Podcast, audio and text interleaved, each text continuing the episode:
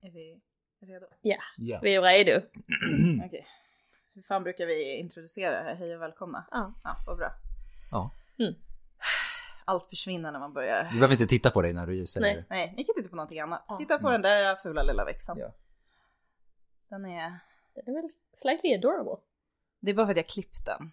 Den successivt håller den på att dö. Sen We'll name den. you Tiberius. Tibbe. Tibbe. Ja. Jag har ju en karakalle hemma. Mm. Han är också lite halvdöd. Ja. Ja. Mm. Sen har jag i Norge hos min kompis har vi Augustus som vi köpte, hon, den bor hos, eh, som vi köpte 2010.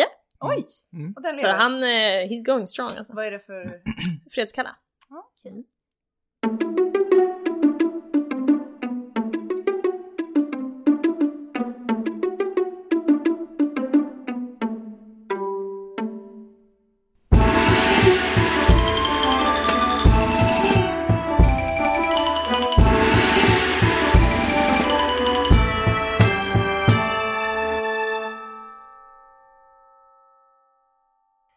och välkomna till Podius Castus, en podd om antiken. Och vi som sitter här idag är jag Angelica Ja, Emily. Och jag Adam. och innan vi börjar här så måste vi fråga Emily. Hur mycket tänker du på romarriket? Tänker på romarriket ganska ofta, Angelica. Adam, hur, hur, mycket, hur ofta tänker du på romarriket? Jag tänker på romarriket just nu. Angelica, hur ofta tänker du på romarriket? Ja, jag tänker på romarriket eh, i alla fall under vardagarna. Ja. ja, men du jobbar ju med det. Din ursäkt är ju bäst. Vi, alltså. Att jag pillar med romerska mynt Ja. eh, varje dag. Ja. Ja. Eh, som ni hör så är det eh, flest eh, kvinnor som tänker på romarriket. Boom. Boom bitch. Mm. Eh, Statistiskt säkerställt. ja, precis. I det här rummet. 66,6 vad är det? Ja, 67 sex- ja, procent. precis, Ja, precis. det är inte bara män som tänker på romarriket. Nej. Nej. Nej. Eh, mycket viktigt att säga. Men! Nu får ni ge fan i tänka på romarriket, för Ja. det är inte romarriket vi ska Nej. prata om nej, idag. Usch. Nej, nej, Nej. nej. Nej. Nej. Ska vi bara säga det också för innan, innan vi lämnar det. Att, att de männen som är en del av trenden, eh, de har bara träffat fel tjejer. Exakt. Men... Men jag undrar, för det är inte, det är inte alla som... Spring! Det är inte alla som förklarar vad de tänker på när de tänker på romarriket, Nej, om man nej, säger så. nej, Jag så. läste också en en artikel att kvinnor generellt tänker mer på typ grekerna och grekiska myter tydligen. Jaha. Vad bra, men det är det vi ska tänka på idag, inte grekiska myter, men, Men Grekland. grekerna. It's the Ja, Då kan jag gå härifrån då. No Greeks for you. Nej. Vi delar med oss. Adam får också tänka på grekerna. Okej då. Mm. Okej. Tillåter det. Vad ska vi prata om idag då? Vi ska prata om, eller vi, vi, eh, stort sett, Akropolisklippan. Har vi varit i Akropolis? Eller på Akropolis? Ja. Ja. Du lät väldigt osäker, jag vet att du har varit jag, jag, nej, jag, nej, jag tycker inte jag lät osäker. Jag, jag bara... Ja, ja, okej. Det var hans mjukaste röst. Ja. Det var med kärlek. Precis. Ja. Ja, eh, och det är ju något av ett måste när man Mm. besöker Aten. Finns inte så mycket annat att göra att det blir färre i Aten. Nej men jag menar det är ju det man ser, man Ja. kommer in i staden och så ser man liksom ja. Akropolisklippan. Och eh, går man in på en turistsida så kan På- det låta lite så här. På nätet. Eh, ja. The Acropolis of Athens, which dates back as far as the 5th century BC, draws millions of visitors every year. This ancient citadel that consists of several important buildings, such as the Parthenon and the Temple of Athena Nike, is soaked in history. During a visit to this iconic landmark, one can still see the age old statues, beautiful iconic columns, and olden temples of worship. Olden Temples. Olden. Jag lät, alltså snacka om så här poesi, bara, Aha. oh det är så vackert. Och så kan vi, kan vi skapa en, en arkitekturform som heter Iconic Ionic. Yes. Bring, bring it back. Låt oss. Bring it back. Aha. Stoic Doric och Iconic Ionic. Oh, Ooh. The new. Aha. Ja men jag kan se det hända. Aha. Det är nästa låt på våran eh, antiken, eh, al- vårt antiken Mm, album. mm. Hannibal the Cannibal och Stoic Ionic. Du får jobba på den Anna. Ja, jag hjälper. Eh, ja, men i dagens avsnitt så vi kommer inte prata om Akropolis i sin helhet. Nej. Utan vi kommer istället fokusera på Parthenon-templet och dess historia. Kanske den mest kända byggnaden från antiken. Ja, det skulle väl... Det är nog Colosseum då. Ja, jo, ja, okej, fair enough. Men, Fast nu eh, skulle vi inte tänka på Rom. I know. Så- Förlåt. Vi andra har Men, det, kopplat men bort den mest Rom kända här. byggnaden i den grek, i antikgrekiska världen Det skulle jag är säga, ja, det skulle jag säga. Parthenon. Parthenon, ja. ja. Det är Parthenon och Colosseum, de är liksom... Ja, det skulle jag de, säga. De är topp två. Mm. Ja men det skulle jag säga, for Ja. sure. Ungefär likvärdiga. Ja. Mm. Har vi kommit överens om det? Bra, nu är det bestämt. Sealed, Ja. set in stone. Ja. Men när man tänker på Aten så kanske man tänker just på så här Akropolisklippan och just. Är inte det på typ alla vykort Jag det, och precis. alla, ni Ja, vet som det. Jag kylskåpsmagneter. lovar, Ja, googlar ja, du ja. Aten så Ja. kommer första bilden vara på Akropolis. Ja. Men det är liksom, det är fokuspunkt i staden. Mm. Yes. Ja. Mm. Och eh, så var det väl även under antiken. Det var väl därför Mm. liksom man, man hade den här kullen man byggde där. Bara, om vi bygger något där kommer alla se den. Mhm. ah, Mm. Mhm. brilliant! Mhm, mhm. De där grekerna vet ni. Ja. De var inte dumma. Nej. Vi börjar lite mm, prata lite om det, det äldre templet. Mm. Pre-Parthenon, eller vad man nu ska Ja. säga. Ja. Ja. Det påbörjades efter striden vid Marathon. Så 490 88 där. Före vår tid. Ja, för Mhm. vår tidräkning. Och eh, det var det första försöket att bygga en helgon till Athena Parthenos på denna plats. Och Adam, vill du förklara lite? Athena Parthenos, vad menas, vad betyder det liksom? Vad menar vi med det? Vem är det? Vem är det? Nej men Aten, okej. eh, om vi vet, vi vet ju att vi har de grekiska gudarna, de antika gudarna. Mm. Eh, och sen finns det ju också så att säga tillnamn de kan få, så kallade epitet. Beroende på vilken funktion de har. Mm. Och vi vet ju att olika gudar har, kan ha ganska brett olika funktioner. Mm. Vi vet, lyssna på vårt avsnitt om de grekiska gudarna, som är röviga. Eh, för att få lite så här hur, hur olika de kan vara Mm, i, sina, mm. i sig själva. Ehm, och just Athena har ju då epitetet Parthenos i det här fallet, som väl betyder jungfrun. Om jag inte minns helt dumt fel. Ja, Ja. Mm. Eh, och det är då alltså i hennes egenskap av att vara jungfru som man Mm. be- tillber henne på just den här platsen då. Och sen kan man ha andra utav hennes så att säga egenskaper och fokusera på i andra tempel. Mm. Typ krig, visdom. Exakt, exakt. Ja. ja. Och det gäller väl alla Och det gäller precis alla gudar. Ja. Japp. Den här första byggnaden, den pre-Parthenon-byggnaden, Mm. Eh, den ersatte en äldre så kallad Hekatompedon, alltså 100-footer, eller man nu ska säga. Mm, hundrafotare. Ja, 100-fotare. Och eh, stod bredvid det arkaiska templet som var dedikerat till Athena Polias. Och där har vi en till. Ja. Och det är då alltså Mm. Athena-staden, Polis. Mm. Alltså stadsgudinnan Athena, basically. Det här äldre templet, det blev aldrig klart. 480 före vår tidräkning så höll de fortfarande på att bygga templet när perserna för andra gången invaderade Grekland. Jäkla perserna Xerxes alltså. is Ja. back. Eller Xerxes är här.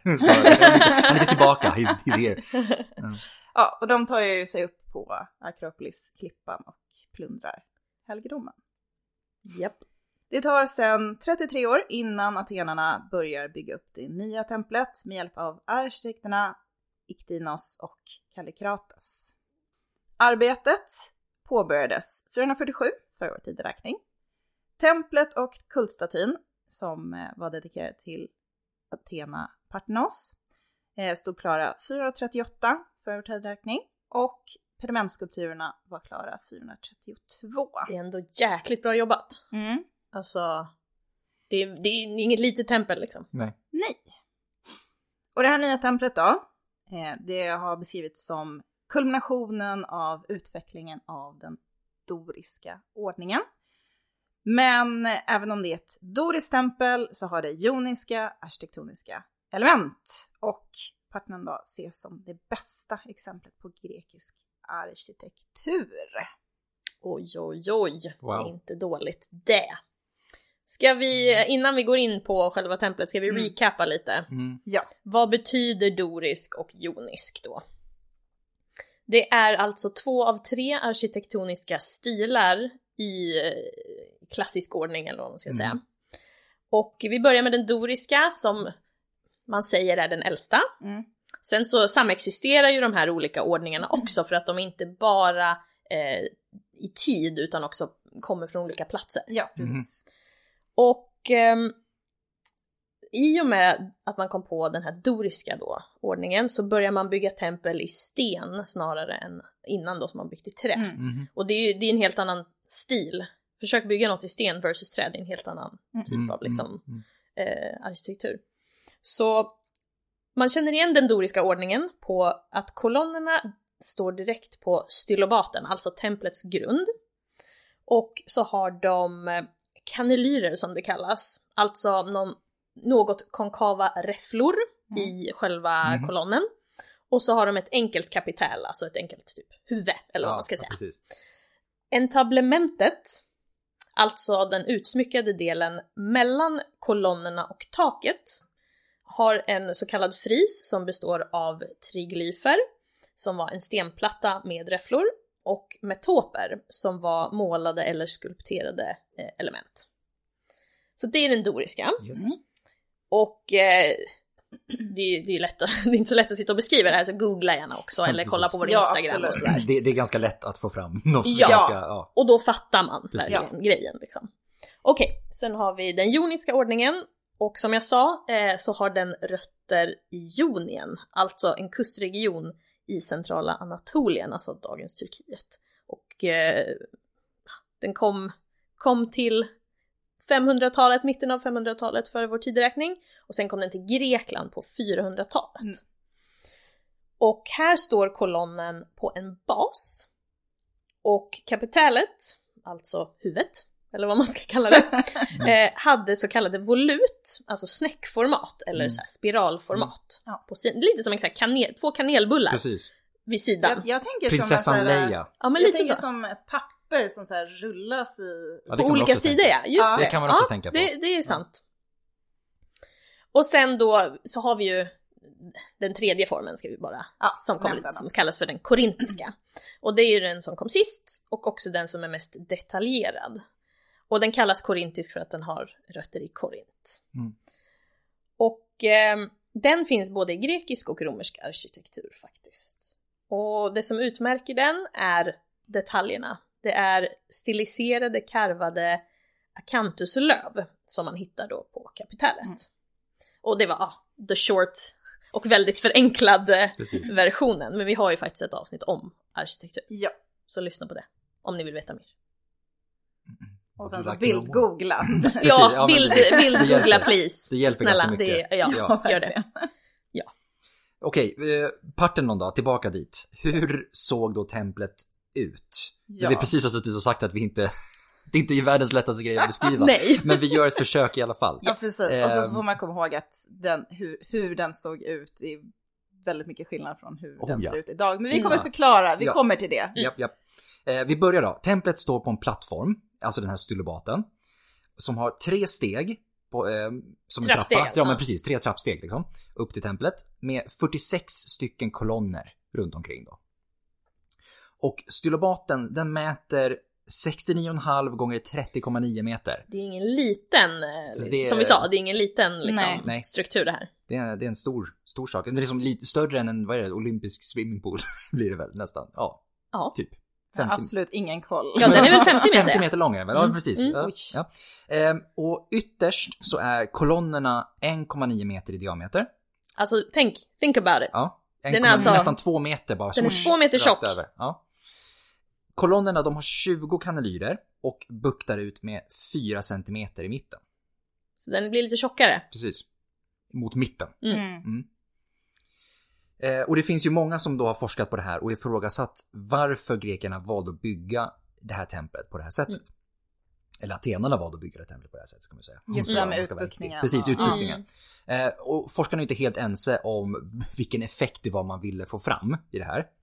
Men generellt säger man att det ska ha varit en optisk illusion för att kolonnerna då på längre håll skulle se raka ut. Mm. För det här är ju tempel Mm. som man ser från, på avstånd. Och, ne- och, och, och, ne- alltså man står nedanför Exakt. ofta och Mm. liksom. Och hade de då Mm. varit liksom, vad ska man säga, konsekvent avsmalnande uppåt så är, menar man då att de, inte, att de skulle sett sneda ut. Men det finns som sagt väldigt mycket Det, forskning. det, och ja, där jag tror forskarna är oense. där de tvistade de lärde. Ja, Eh, stylobaten den buktar upp lite grann eh, för att den ska kunna leda bort regnvatten. Och för att skydda templet mot jordbävningar. det är smart. Så att det, det är smart. Det är Det är, clever. Sen har vi den inre strukturen då. Och den består av en, en stenbyggnad och det är den här sällan då, själva, själva tempelhuset, liksom, tempelbyggnaden. Eh, och den mäter 29,8 meter gånger 19,2 meter. Eh, så fortfarande en mindre del såklart än Mm. vad totala ytan är, men fortfarande ganska så stort. Ja. Eh, sällan den är avdelad i två rum med en ingång från varsitt håll. Så att man, kommer in, man kan inte gå igenom hela strukturen. Mm. Utan man går in i ena delen från ena hållet och Mm. andra delen från andra Mm. hållet. Eh, det bakre rummet eh, kallas ju för opistodomos. Och det här opistodomos, det var det här rummet där man förvarade eh, de indrivna skatterna från det Deliska förbundet. Mm. Eh, och här hade man fyra joniska kolonner som stöttade upp taket i Opistodomos alltså. Eh, det främre rummet, det är det som kallas för naos och det är ju då rummet för kultstatyn helt enkelt, det heliga rummet. Mm. Och i naos så finns det 23 kolonner som håller upp taket. Innan naos har man pronaos, eh, alltså förrummet Mm. basically. Typ en veranda. Typ så. Mm. Ehm, templet det är peripteralt och det betyder att det är en ensam rad med kolonner runt sällan. Alltså runt den här inre strukturen. Mm. Liksom. Och Parthenon har 17 kolonner på varje långsida. Det är även oktastil, eller octastyle om Ja. man säger på, Mm. engelska. Eh, vilket betyder att templet har åtta kolonner på varje kortsida. Och okej, så- det här är väldigt mycket detaljer, det är väldigt mycket siffror eh, hitan och ditan. Eh, för den som inte får ihop matten här, gudarna ska veta att jag inte gör det, eh, så är de fyra kolonnerna i hörnen inräknade i både de på långsidan plus de på kortsidan. Så det är alltså inte 17 gånger 2, 8 gånger 2, utan 17 och 8 möts liksom Ja. I hörnet. Eh, herregud. Ja. Vi har, det finns även en inre rad med kolonner på kortsidorna. Med sex kolonner på vardera sida. Så det är en herrans massa kolonner överallt. Ja. Det är en skog med kolonner. Ova, ovanpå, Så kan man ju också så kan säga. jag också uttala det. Jag, jag väljer att uttala det så. Ja. Mm. Ovanpå kolonnerna så fanns entablementet. Eh, det kallas även för bjälkslaget. Och det är här som vi har arkitraven, frisen och gesims eller kornischen. Arkitraven är då huvudbalken som vilar på kolonnernas kapitel, alltså den delen av taket som är direkt på kolonnerna. Eh, Och ovanpå den här arkitraven så har vi fri, en fris i den doriska ordningen med metoper eh, och ursprungligen då 92 stycken karvade marmorbilder. Och det är varvat med triglyfer, de här marmorblocken med Mm. de tre vertikala ränderna. Så Mm. det är metop, triglyf, metop, triglyf och så vidare och så vidare runt om Yes. hela alltihopa. Vi har även en peristyl, alltså den inre gången mellan den yttre kolonaden och sällan, med en fris. Vilket då är typiskt för den joniska ordningen. Mm. Men här sitter då frisen på insidan av liksom sällan, eller på liksom Mm. högst upp i hörnet av sällan. Mm. Så det är en kombination som vi sa tidigare eh, av olika stilar. Ehm, och det är då ett bild, på frisen då, eh, så är det ett bildprogram i hög relief i, i marmor. Alltså det betyder uthuggningar. Mm. exakt, alltså, att exakt. De sticker ut, Mm. bilderna sticker ut. Liksom. Och precis, och det är liksom nästan lite 3D-effekt på det. Ja. Det är ganska, det är djup, eh, Ja. Mm. djup relief liksom. Eh, på gavlarna eh, så har vi de här triangulära pedimenten. Där, alltså, där, typ, där taket Mm. liksom tar slut på, på kortsidan helt Mm. enkelt. Och här har vi skulpturer. Det som kallas för pedimentskulpturer. Självförklarande. Eh, själva taket eh, var lagt med stora tegelplattor. Imbrices och tegulae. Vilket då är latinska termer. Så nu är Ja. vi tillbaka och tänka på romarriket igen. Ja. Eh, det var det var i stora drag en beskrivning i ord hur templet ser ut. Återigen, googla. Ja. Jag tror att det är lättast för alla. Ja. eh, om man inte har det i huvudet såklart. Ja. Eh, inte riktigt, det är såklart, inte, det, så här ser det ju inte ut idag. Nej. Nej precis, då får man ju sagt. googla, Exakt, exakt. googla typ rekonstruktion Precis. eller något liknande liksom så. Eh, och vi återkommer ju till varför det inte ser ut Ja. exakt så här idag. Ehm, men, ska vi gå över och prata lite grann om själva skulpturbitarna som sitter fast på den här saken. Ja, Mm. och då har vi ju nämnt eh, lite olika. Och eh, vi kan ju börja med eh, eh, metoperna. Då är det så att entablementets fris eh, hade originellt 92 metoper. 14 på den östra och eh, 14 på den västra sidan. Och 32 på den norra och 32 på den södra sidan. De är förmodligen gjorda mellan 446 till 440 före vår tidräkning. Och eh, tekniken som man använde för dem eh, var då att karva dem i hög eh, relief, alltså man, man gjorde dem väldigt, väldigt djupa, Mm. som vi redan har sagt. Och eh, det här var något som man enbart gjorde för byggnader eh, var i man höll votivgåvor, alltså tempel eller skattehus. Och votivgåvor, votivgåvor är så offergåvor då. Ja. Ja, till gudarna. Mm. Mhm. Metoperna är ett exempel på den stränga stilen i anatomi. Oj, oj, oj! Ja. Och eh, det ses då i, eh, i hur huvudena är avbildade och att det är en liksom, begränsad rörelse i kroppen. Eh, men eh, att man ändå valt att framhäva i vissa fall muskler och, eh, och vener på några av figurerna. Och eh, då är ni såklart nyfikna vad vi har för motiv. Det är egentligen det viktiga här? Mhm. Ja, för det är ju lite, ja, det är väl så här bland det första man får studera när man står och pluggar antiken. Det här, är, det, här är, det här är antiken A. Så, Ja. Antikens kultur och samhällsliv 1. Jag fick lite flashbacks när jag skrev Ja. det här Ja, ja, det, här är, det här är takes me back. Ja. Så, över huvudingången, eh, vilket är den östra sidan, så hittar vi en gigantomaki. Mm. Och det är alltså striden mellan de olympiska gudarna och giganterna. Och ja, de, vilka var giganterna då? Vilka är giganterna då? Det är ju, visst är det Gaias barn Ja, som föds eh, efter det att titanerna har eh, blivit besegrade. Så det här är liksom steget efter Mm. eh, titanomakin. bra, bra förklaring. Thank you. Thank you. eh, ja, det är svårt att identifiera de här karaktärerna ordentligt på grund av deras skick. Vi återkommer till det. Men det finns tillräckligt mycket kvar för att kunna identifiera ett generellt tema. Och för att man ska kunna föreslå liksom vilka vissa av de här Mm. karaktärerna är. Det finns ingen helt klar koppling mellan eh, de här bilderna. Alltså det är ju verkligen alltså bild, eh, paus, bild, Mm. paus. Så det finns liksom ingen klar koppling dem emellan. Det är ingen seriestripp Nej. liksom. nej, nej. Men enligt myten så attackerade giganterna gudarna.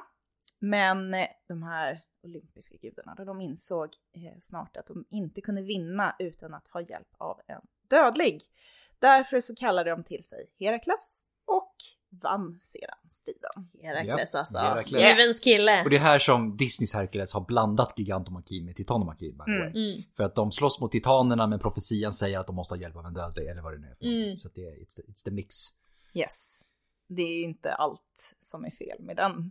Nej, nu Men ska det vi är inte, nu bra ska vi musik. Inte, nu ska vi inte prata skit bra story! om vi, Disneys vi gillar den filmen. Ja. Jag gillar den filmen. Ja, ja, herregud. Bada bing, bada boom. Tillbaka till parterna. Bak på templet, den västra sidan, så finns det en Amazonomaki. Och det är alltså en strid mellan eh, atenarna och amazonerna. Eller man har oftast tolkat det som amazonerna. Eh, det är liksom vissa kläder samt eh, representation av hästar stämmer överens med en tolkning av att det skulle vara amazoner. I vilket fall så är det atenarna mot folk från öst. Så även om det skulle vara amazoner så representerar de förmodligen perserna. Mm. Mm. Och eh, inte här, heller här så ser man någon liksom, koppling i narrativbilderna emellan. Södra sidan, eh, det är den som vetter mot kullens liksom, sida. Mm, mm. Eh, det visar den eh, tessaliska kenturomakin. Kentauromakin heter den. Mm. Ja, ja. Ja, Ja. det tror jag. Om Varför säga kenturerna. Det, lå- det lät jätteknäppt. Jag vet ju att det heter kentaur.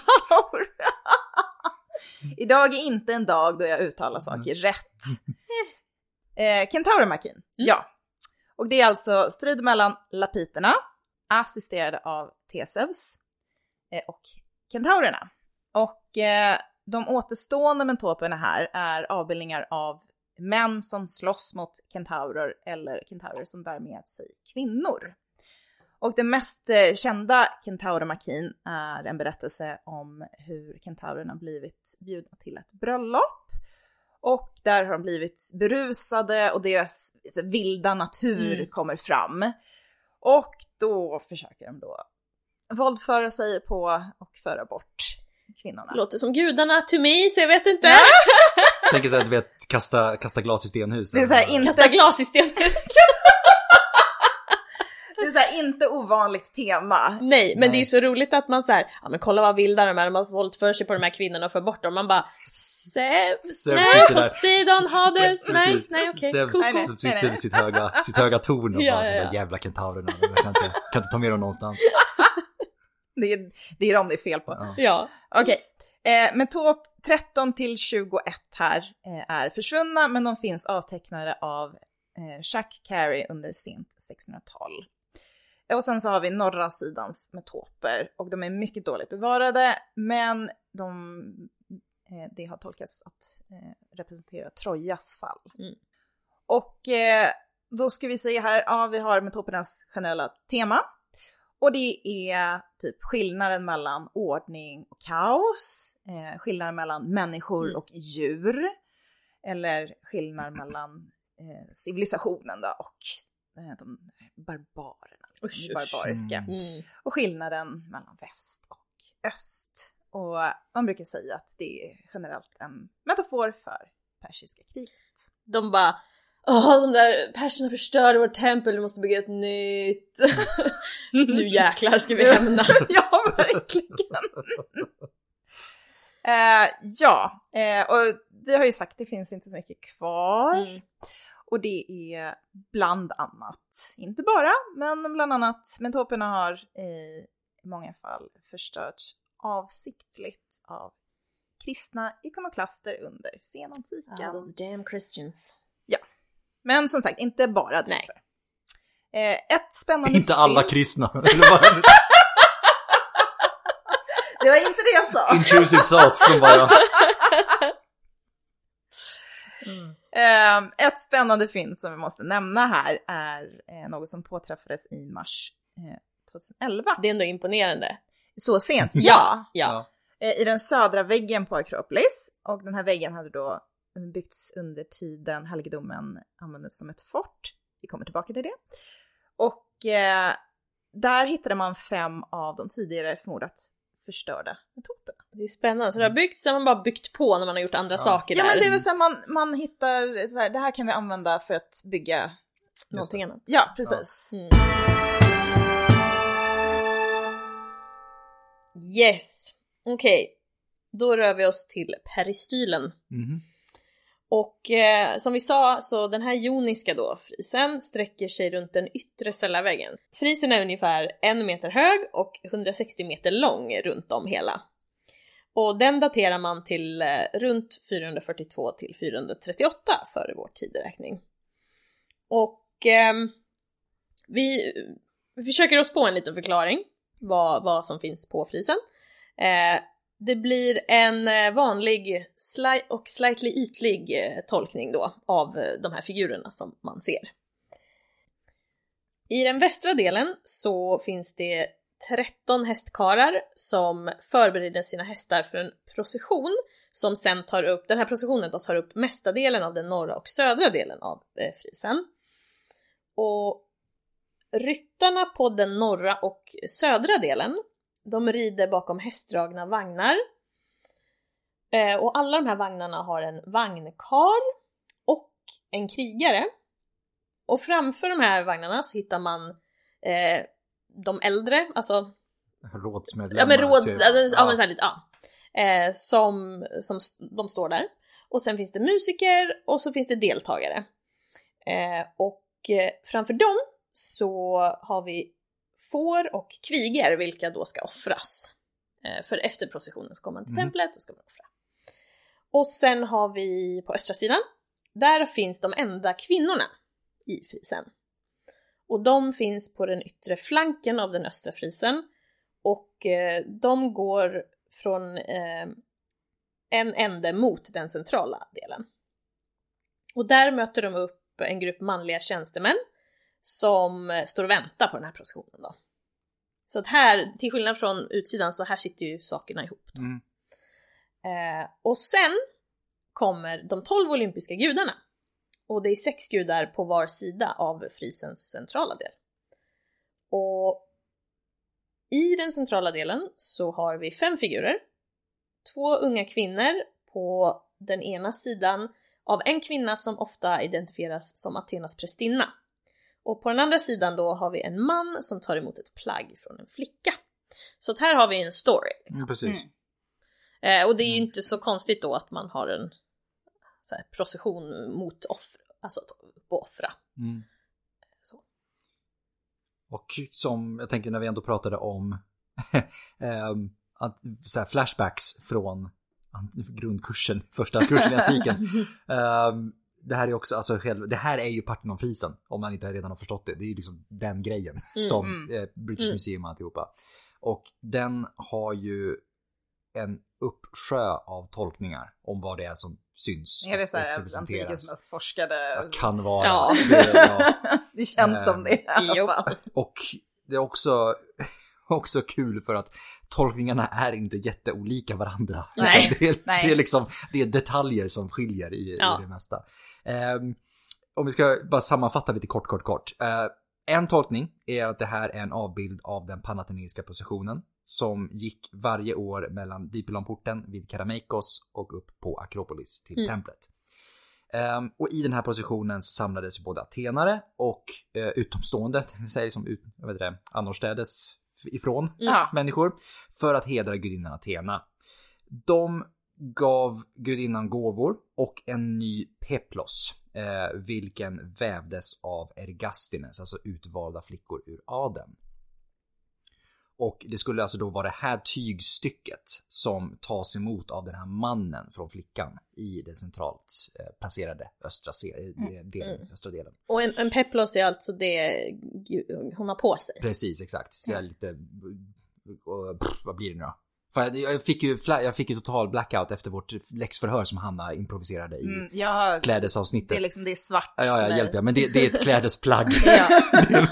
Hanna kommer gråta när hon hör det här. Men det, det, är ett klädes, det är ett klädesplagg. Och det man gör, det är ju att man faktiskt klär på statyn i templet det här klädesplagget. Precis. Eh, så att, Men då är frågan vilken staty det är man klipper på. Men det är en helt annan ja, fråga. det är en helt annan. Men man, En- man fysiskt klär på en staty Ja. det här plagget i alla fall. Så. Och en annan tolkning är att det här, när frisen då har ett mytologiskt tema. Eh, vilket då skulle vara lite mer i stil med resten av templet, Mm. som ändå har ganska mycket mytologiskt på sig. Och då skulle det vara en bild av, eller som, som symboliserar Atenas härkomstlinje. Eh, och som man liksom då kan spåra genom en rad följdmyter efter det här då. Och den centrala panelen ovanför ingången till sällan tolkas då i det här fallet som offret av Erektevs dotter och Erektevs han var ju den här en mytologisk kung Mm. av Aten. Um, offret av den här dottern då för att försäkra atenarnas vinst över trakerna Mm. i en mytologisk berättelse då. Och processionen mot öst ska då visa en tacksägelse efter striden med gåvor till gudarna. Och det här skulle då vara som ett mytologiskt, som säga, mytologiskt ursprung bakom den panatheneiska processionen. Mm. Så att där har vi dem, det är väl de två huvudsakliga spåren i. Mm. eh, i teorierna eller tolkningarna Mm. av frisen. Antingen så har vi en rent, alltså ska man säga, straight up avbildning av en panatheneisk position. Mm. Eller så har vi en mytologisk scen som på något sätt Är den föra- första. Det är den första. Mm. pana- Förstår ni vad vi menar med att det är basically Det är same, fortfarande same. en panatheneis procession. Oavsett, det, Ja. ja men precis, det är bara symboliken bakom Ja. den som ändras. Ja. Om det finns en mytologi eller inte. Så att det är ja, lite same same but different. Eh, som sagt så sa vi att den, den sitter ju 12 meter upp då. Eller satt 12 meter upp. Och eh, satt på yttre väggen. Vilket betyder att den var något svårare att se. Ja. Eh, och man såg den bäst om man stod utanför eh, kolonnaden. Och för att man skulle kunna se ännu bättre så var den övre delen av frisen karvad i djuprelief som vi har sagt då. Mm. Eftersom att det är så högt Mm. så måste, för att du ska kunna se någonting så måste det vara väldigt djupt för att det skapar skuggor. Och så, Eh, är det liksom djupare hög, högre upp. exakt. Plus då att den är bemålad. Mm.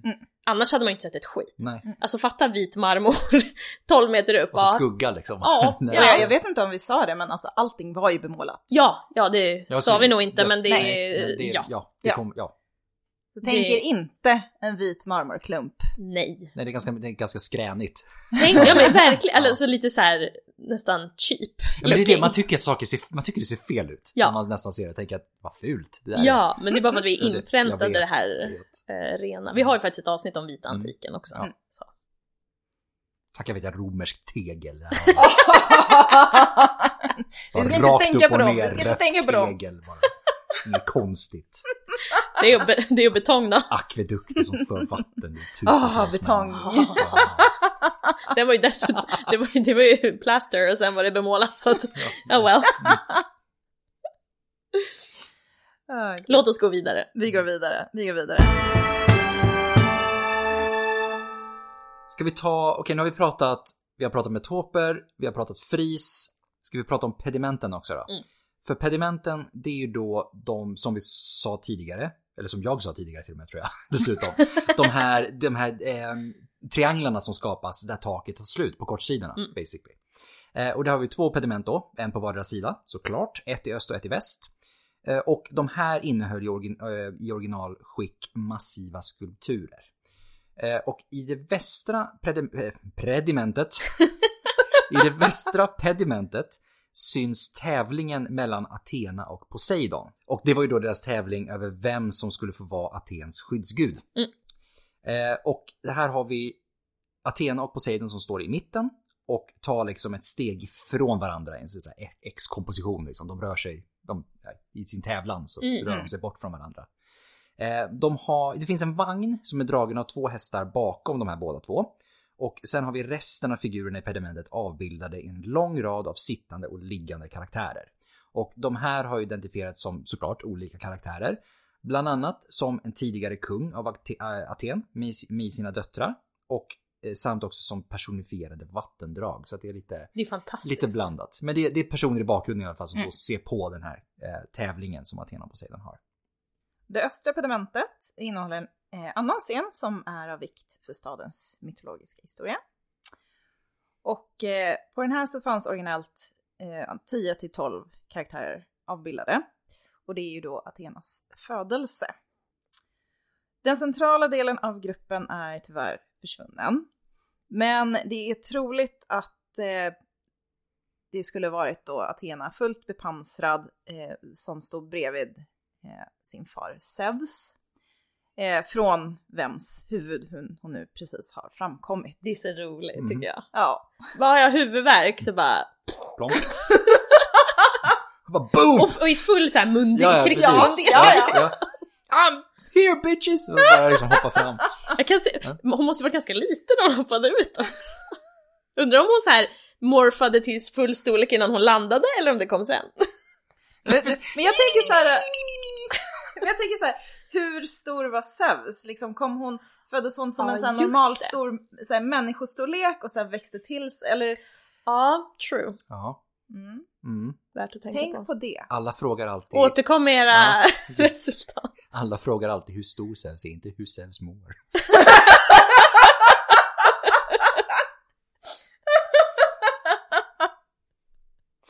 Oh, gud. Anyway. Ja. Anyway. Runt om eh, Zeus och eh, Athena ska då eh, Hephaistos och Hera eh, stå eh, med resterande gudar. Mm. Ytterst i pedimenten så ser man eh, hästhuvuden, vilken då skulle representera Helios, alltså solen, och eh, Selenes, eh, det är månen då, vagnar, alltså ett i, i varje del av det här pedamentet. Och det ska, med det så ska man förstå att det här sker under, under gryningen, Mm.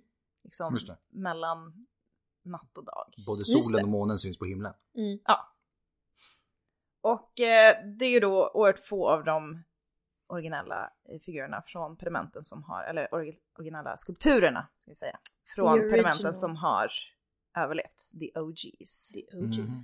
Det är lite deppigt att det inte är så många kvar. Mm, ja, ja, det är ju det. Men vi har ju i alla fall historien. Det är bra. Ja. Det östra pedementet skadades mycket under eh, konstruktionen av kyrkans absid. Och jag säger kyrkan, det har varit en kyrka här. Mm. Yes. Vi återkommer till det också. Och eh, då förstördes då de centrala eh, figurerna. Och fun fact. Får man dra in en liten fun fact här? Alltså, varsågod. Eh, en absid i en kyrka, den är ju på, i bortre delen av en kyrka. Och vi sa ju precis att ingången i templet är på östra sidan. Så när man gjorde om tempel till kyrkor så Mm. bytte man eh, ingång Mm. från Mm. öst till väst. Så det, det är ju i ett eh, antikt tempel, då ser man guden på morgonen, Mm. solen. Och i kyrkan så ser du Jesus bli korsfäst när solen går ner. Det är fascinerande. Mm. Visst är det intressant? Ja, det är jätteintressant. Ja. Bra fun fact. Yay! Yeah! det skiljer från alla dina dåliga fun mina, facts. då, eller ja, jag men vet min, inte. mina det här, jag gissade eller jag har hört det för hundra år sedan och eh, Ni, ni får så sällan höra det, men det är väldigt mycket som försvinner. Men för det mesta har jag ju rätt. Ja, ja, ja. ja. Jag har ju rätt Ja, typ ja. 90% av Ja. gångerna ändå. Och ibland har du så här 75% rätt. Ja, i, i själva I påståendet det, ja. I det hela, ja. Mm.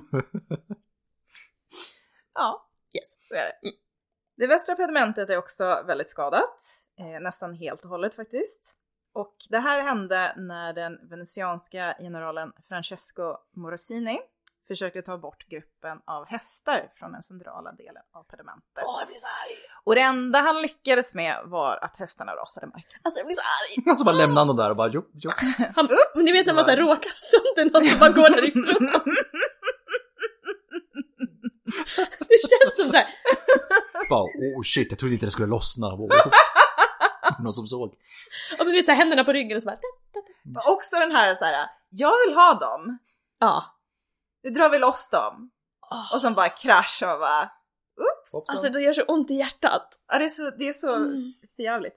Ja. Eh, en eh, liten fun fact med Mm. de här eh, skulpturerna. Vi droppar fun facts till höger och vänster. Ja. Yes, Det, det är väl ganska kul att Ja, ja. droppa lite fun facts. det tycker jag. Ja. Mhm. Borde ha ett avsnitt där vi bara så klipper in alla fun facts-droppningar. Det skulle faktiskt vara roligt. Men en liten fun fact är att eh, vi har ju sagt de här eh, skulpturerna är menade att se från ganska hög höjd. De är på, alltså pendementet är ungefär 16 meter upp. Men eh, baksidan på de här är färdigställda. Eller var färdig- färdigställda i de fall de är trasiga. Men det finns ju liksom exempel på, på eh, tempel där vi, med pediment där eh, skulpturerna inte är färdigställda på baksidan. Man skulle ju ändå inte se det. Nej. Mm. Det här är en fråga om pengar. Fattar hur mycket pengar man har lagt så här. Ja. Ja. vi måste göra rumpan Ja. på den här hästen guys. Ja.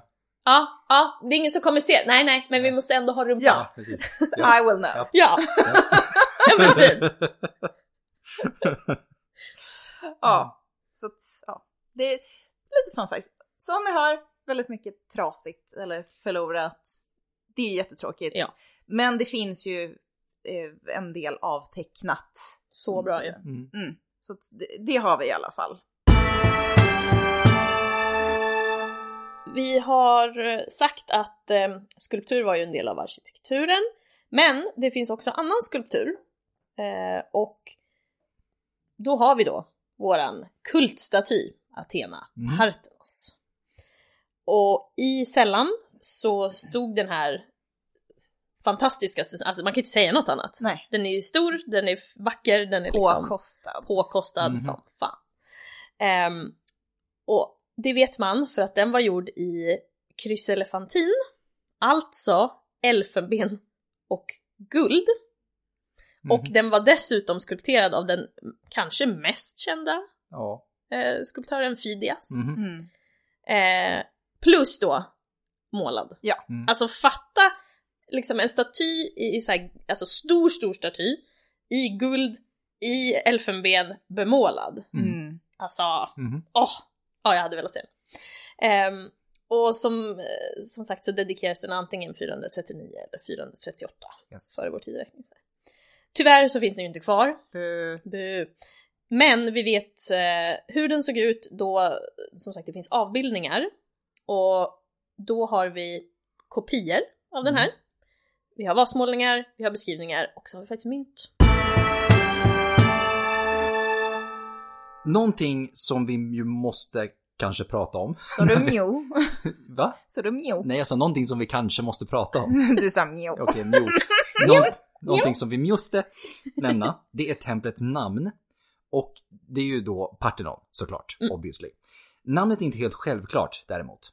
Ser man tillbaka på skrifter från 400-talet före så refererar de till templet som Onaos, alltså helt enkelt templet.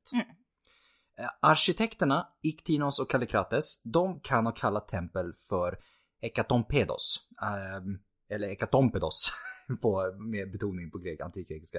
Hundrafotaren.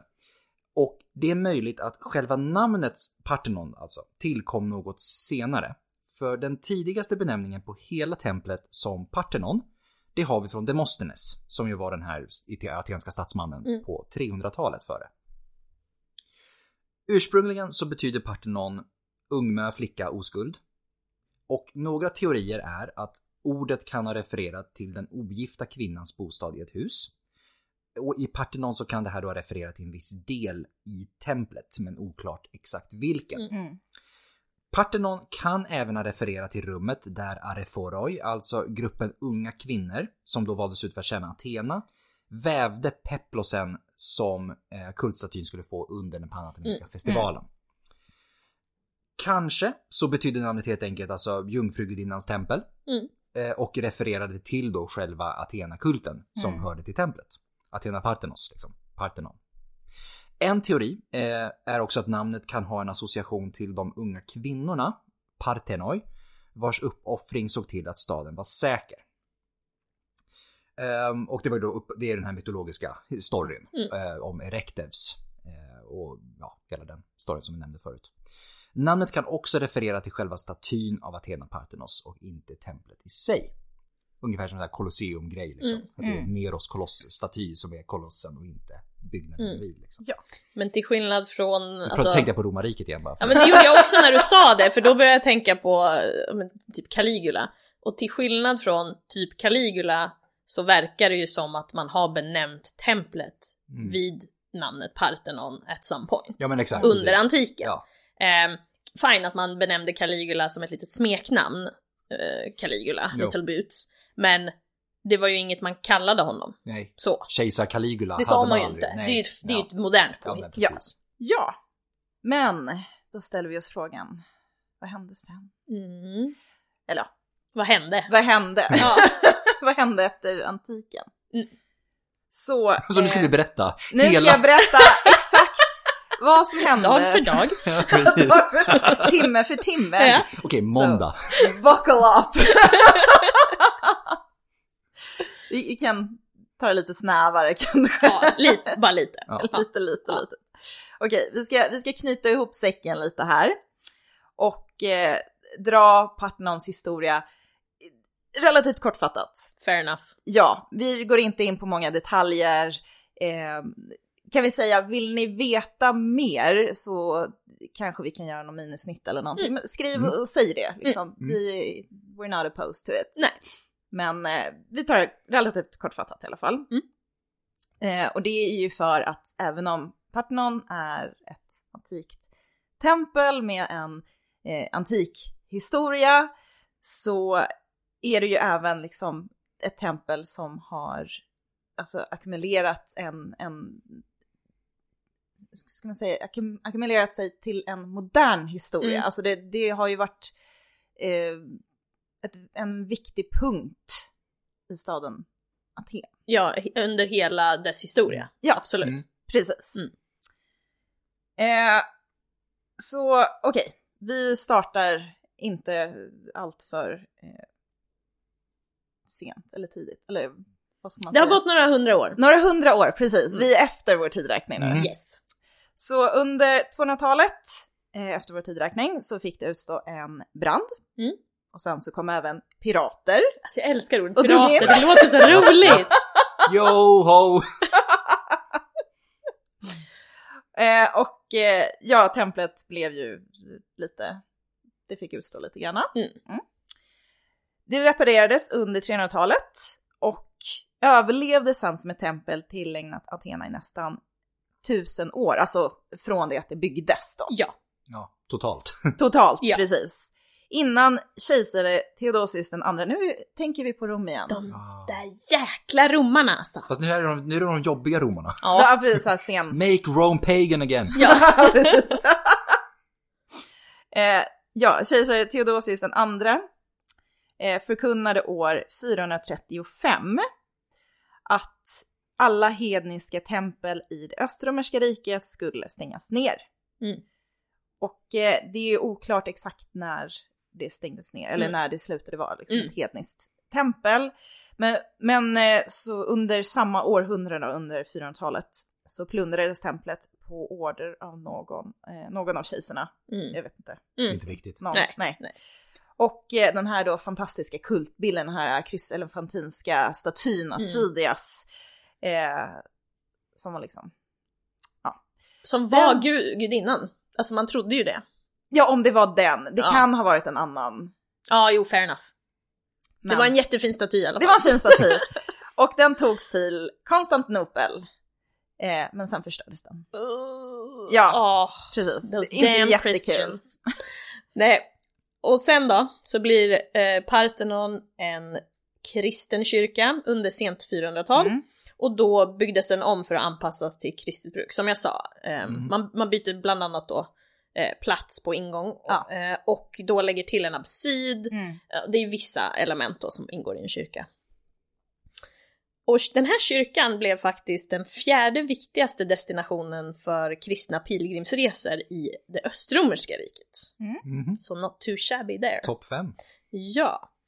Och templet fortsätter vara en kyrka ganska länge faktiskt och byggs om då eh, Successivt. successivt. Ja. med jämna mellanrum. Eh, som, som allt Ja, egentligen. ja, typ. Så. Då hoppar vi fram tusen år i tiden. Till 1400-talet.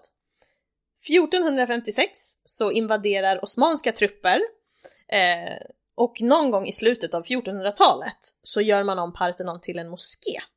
Och då har vi ytterligare Mm. eh, ombyggnationer där. Ja. Men eh, trots alla de här ombyggnationerna under de här, alltså tusen åren eller mer liksom, 1500 åren typ, eh, så har templets struktur generellt varit detsamma. Mm. Mhm. Men det är ju inte så idag. Nej. And why is that? Vi har ju ett, ett krig som pågår, eller som går av stapeln år 1684. Och det är ju, ja, venetianerna är i farten igen. Ja. Mm. Och de skickar en expedition till Aten som då ska inta Akropolis. För vid den här tiden så var Akropolis en turkisk befästning också. Eh, och här hade ju då osmanerna an- börjat använda Parthenon delvis som ett förråd för krut. Vad djup suck. Ja, det gör ont i hjärtat. Och den 26 september år 1687 så avfyrar man en granat från en kulle utanför staden som går rakt mot Parthenon och templet exploderar. Och vi har ju den käre Otto von Königsmark som är befälhavare för, eller han är ju, han är ju legoknekt i venetianernas tjänst.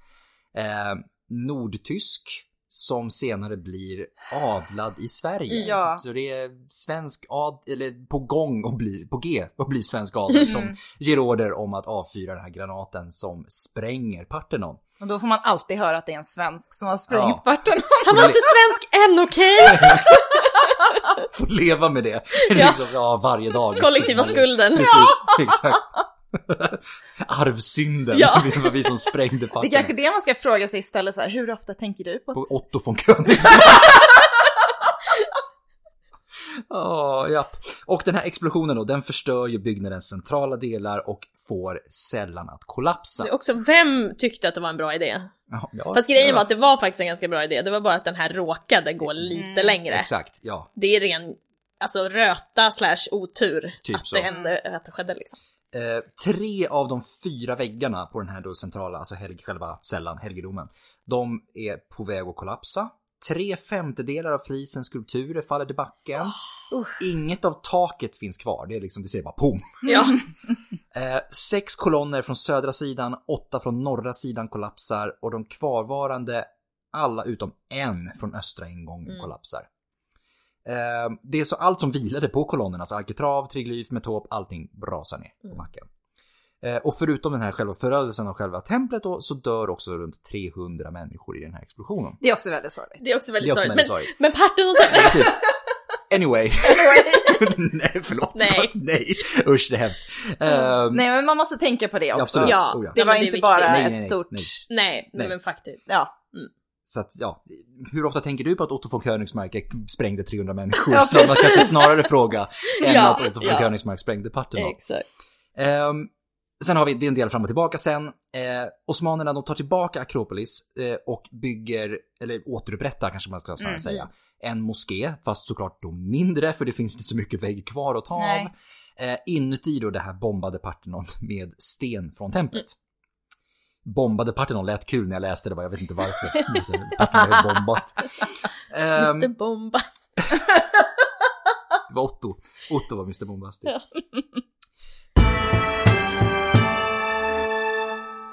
Under kommande 150 år så skulle människor successivt ta sten från platsen och använda det i egna byggen. Eh, alternativt för att roffa- roffa åt sig värre Mm. saker som man kunde komma åt. Men det är inte helt ovanligt att man Nej. använder eh, sådana här platser som stenbrott. Nej, verkligen. Jag menar, du vill bygga en, ett hus, ja, det du hittar sten där. Ja. Ja. ja det, vad ska man göra liksom? Nu tittar jag på Emelie som hon skulle göra det.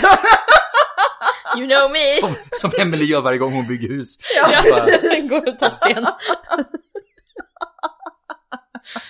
Don't do that. Nej. Allemansrätten! Och så pekar finger åt alla. Hon går iväg med en sten. Jag ska börja det. Varje gång jag ser typ en gatsten ligga ska jag börja plocka med den hem. Samla på mig, se vad, som, vad man kan bygga från det. Jag lägger upp en bild på Instagram när jag är klar. Du kan bygga ditt eget lilla tempel. Ja. Ja. Och sen sitta i det. ja. Jag ser att du går ut i skogen och bygger ett tempel. Men det finns ju någonstans där det finns i Sverige ett tempel. Ja, det gör det. Det, Det gör finns faktiskt Ja. ett Ja. någonstans Ja. i Sverige, jag Ja. minns inte var. Nej, jag vet inte heller, men jag vet att du har rätt. Det är 100% rätt. Yes! Det är Yes. din sådär, det är din sådär 75 procent. Och finns det inte idag så har det faktiskt funnits. Åh, gud. Mm. Uh. Uff, Okej. Vi fortsätter. Mm. Samla mig lite här. Okej, eh, nu är vi inne på 1700-talet. Mm. Det Osmanska riket eh, var på nedgång lite. Och eh, fler eh, europeer började kunna, kunna ta sig till Aten. Mm. Och eh, folk börjar nu visa intresse lite för ruiner, liksom nyklassicismen. Eh, it's the shit Det liksom. är ett faktum. Ja. Grekland, de fick eh, kontroll över Aten 1832. Och eh, Det nya Grekland, nybildade Grekland. ja, nybildade. Ja. Jag trodde det var underförstått. Ja, jo. Det är bara, Men det är bra antika- det är bra bara Grekland poängtera, fick- poäng- jag bara poängterar att Grekland finns nu som ett land. Liksom. Ja. yes, Jag hoppar det är bra. Tydlighet är bra. Ja. ja, men det är bra. Det är bra Adam. Tack. Nya Grekland. Ja. Fick kontroll över Aten. 1832 och då började de började röja på Akropolis för att få bort allt efter antiken. För det här är inte helt ovanligt att man gör. Man är ute efter liksom, Och inte, och inte bara allt som kom efter antiken, man gör sig av också med senare delar av antiken. ja ja, men det är liksom, det är en, en specifik sak som man är ute efter liksom. Och här är man ute efter att man liksom får bort, så här, bort med moskén, bort med alla medeltida och osmanska byggnader och allting. Och eh, Och också, sen blev det ju, eh, hellenismen rök ju med också. ja, precis. Eh, men det här blev i alla fall en historisk plats kontrollerad av staten. Mm. År 1975 så inleddes en eh, organiserad insats för att restaurera byggnader på Akropolis. Eh, vilket man, det kan man ju se, det håller man ju fortfarande på med. Mm. Eh, besöker man Akropolis idag så eh, kan man notera, eller idag ska jag inte säga, jag har inte varit där på flera år. Because Det of... ser nog inte så annorlunda ut. Tror Nej, jag. jag tror jag inte det heller. Eh, men vi förmodar att det ser ut som det gjorde för några år sedan. Att Mm. det, Ja. det ser ut som en Mm. byggarbetsplats, eller i alla fall Parthenon ser Ja. ut som en byggarbetsplats. Exakt. eh, med liksom byggställningar runt. Mm. Eh, och de har eh, rekonstruerat en del, alltså de har liksom lagt till. Mm. Och det här är väldigt lätt att urskilja, liksom. man vill att folk ska veta vad som är rekonstruerat. Ja. Och det är för att om de har rekonstruerat fel så ska det vara lätt att kunna ta bort Mm. och eh, rekonstruera om. Mm. Inte som de har gjort på Knossos. Nej. Det, var, det, var, det här är en väldigt ny företeelse. Ja, Är det. Eh, för förr var det lite så här. Ja, fast jag tycker att det ska ha sett ut så här, vi kör. Mm. Och Ja. de restaurerar det på ett sånt sätt att det är, så här, det är så bra gjort, eller vad man ska säga, att man inte kan se. Mm. Det är samma med mycket keramik. Mm. Eh, att man har rekonstruerat och man bara, Ja. ja, det vete fasen om det är original eller om det är hittepå liksom. Ja, ja, men alltså just keramik, det finns ju fantastiska vaser som man bara säger, ah, det är typ så här 50% som är så här nytt på den här. Ja. Och man kan inte se det. Nej. Sen, så, sen ska vi prata om den, den lilla, lilla detaljen, den lilla heta potatisen som kallas för repatriering, alltså återlämnandet av artefakter. För det finns eh, bara en väldigt liten del av eh, originalskulpturerna, eller Mm. skulpturen, kvar på plats. Eh, på, I själva templet. Och det är några av metoperna. Eh, men med undantag för de som eh, finns på norra sidan så är de väldigt skadade. Mm. Och de flesta eh, överlevande skulpturerna finns på Akropolis museet i Aten. Väldigt, väldigt eh, coolt museum Ja, måste jag säga. Alltså helt Ett fantastiskt. av mina favoritmuseer. Ja men alltså faktiskt, för där visar de hur, alltså, man, hur det har sett ut. Mm. Alltså hur de här skulpturerna är menade att tittas på med då belysning med färg Mm. och sånt. Eller ja, ja belysning. Projektion. Projektion tack. Ja. Det finns väl i och för sig färgbelysning också med, med färgade Ja, glödlampor, Ja, men ja, ja, ja. med projektion. Men själva museet är ju uppbyggt som Parthenon. Ja, Ja. det är super. Det är snyggt. Det är, så mm, snyggt. det är, ja. Ja. Yes. Eh, det var reklam för, för det. Eh, nej. Ge oss pengar. Nej. Ja. Men sen finns det ju eh, också skulptur i, på British Museum i London, på Louvren i Paris, på Nationalmuseum i Danmark och på museer i Rom, Wien och i Palermo.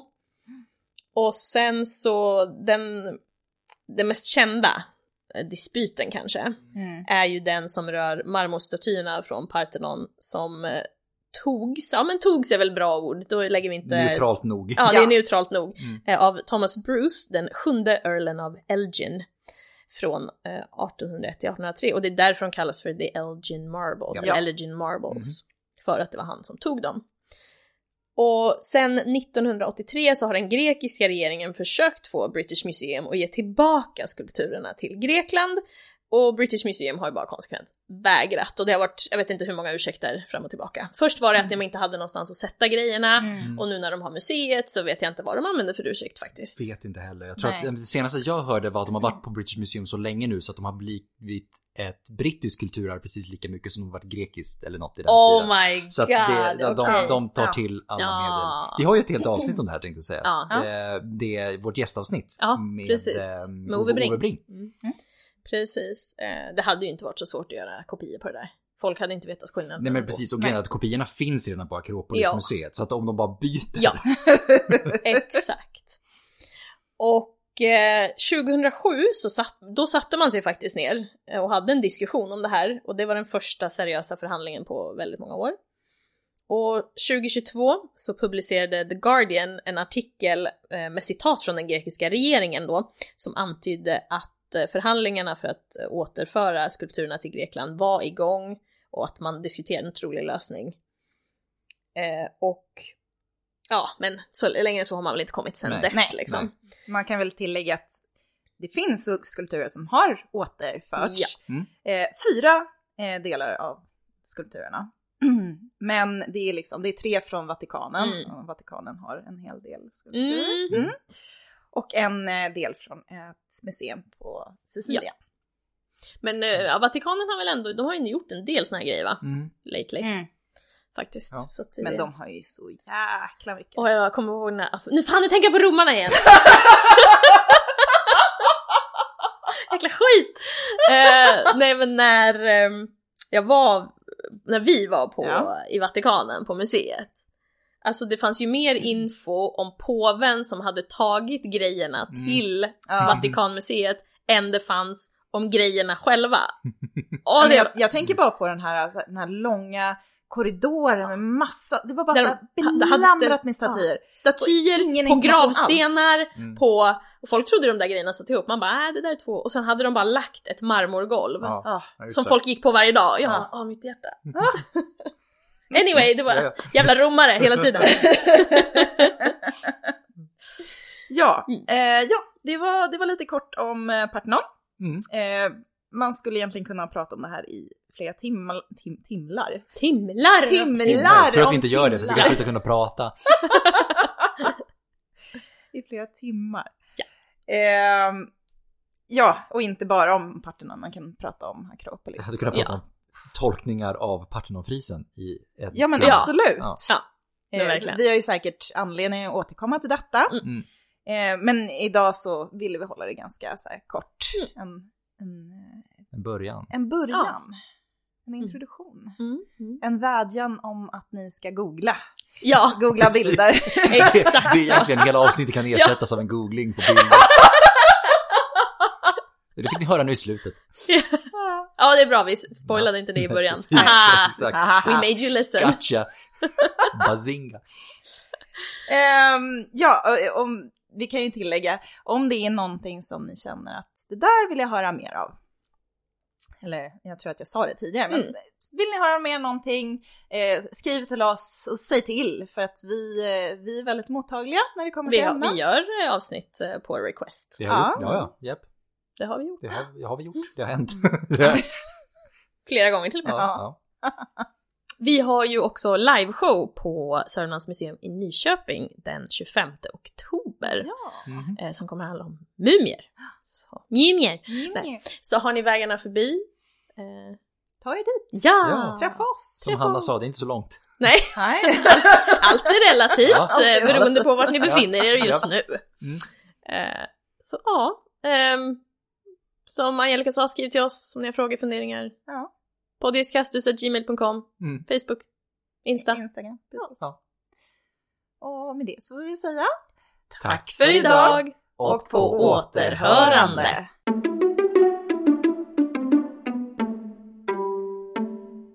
Eh, och själva frisen är ungefär en meter hög och eh, 160 meter... 160 meter lång. Hur lång? What? Alltså det går ju runt. Ja, den går runt! Oh my god! Jag bara, vad är det som händer? Okej, okej, jag tar om det. Jag bara, what the fuck? Känner mig Babes helt efterbliven. strong... Okej, mm. Kolla bondulance!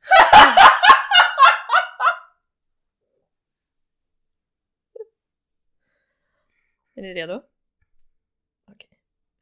Eh, frisen är ungefär en meter hög och eh, 160 centimeter... Jag vill verkligen inte att den ska vara 160 meter lång av någon anledning. Skjut mig! Sista, tredje gången. Okej.